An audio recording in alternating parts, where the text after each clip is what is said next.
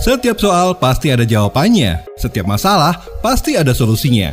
Dan setiap hal yang belum kita tahu, pasti ada cara buat untuk memahaminya. Tanya Ustadz. Tanya Ustadz. Cari tahu biar nggak keliru. Assalamualaikum Ustadz Kenapa ya kita masih suka kesel pas puasa Padahal kan katanya setan gak ada di bulan Ramadan Kok masih banyak yang suka marah-marah?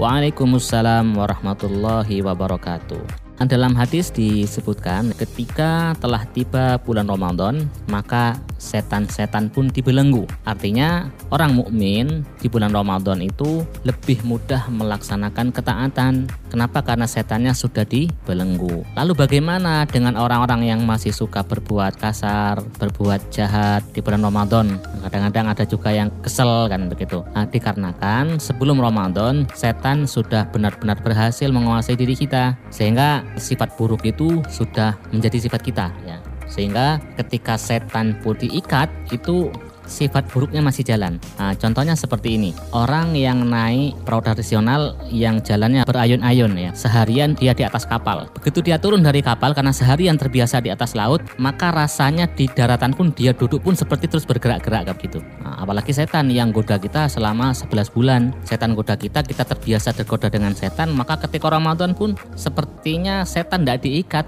Bagaimana agar kita gak kesal, gak capek, gak suka marah-marah, gak suka maksiat. Sebelum Ramadan, kita terbiasa menepis ajakan setan. Ketika nanti Ramadan, kondisi kita sudah benar-benar siap untuk menjalankan berbagai macam ketaatan. Jadi, kalau kepingin tidak tergoda oleh setan di bulan Ramadan, selain bulan Ramadan, seruan setan itu kita tepis.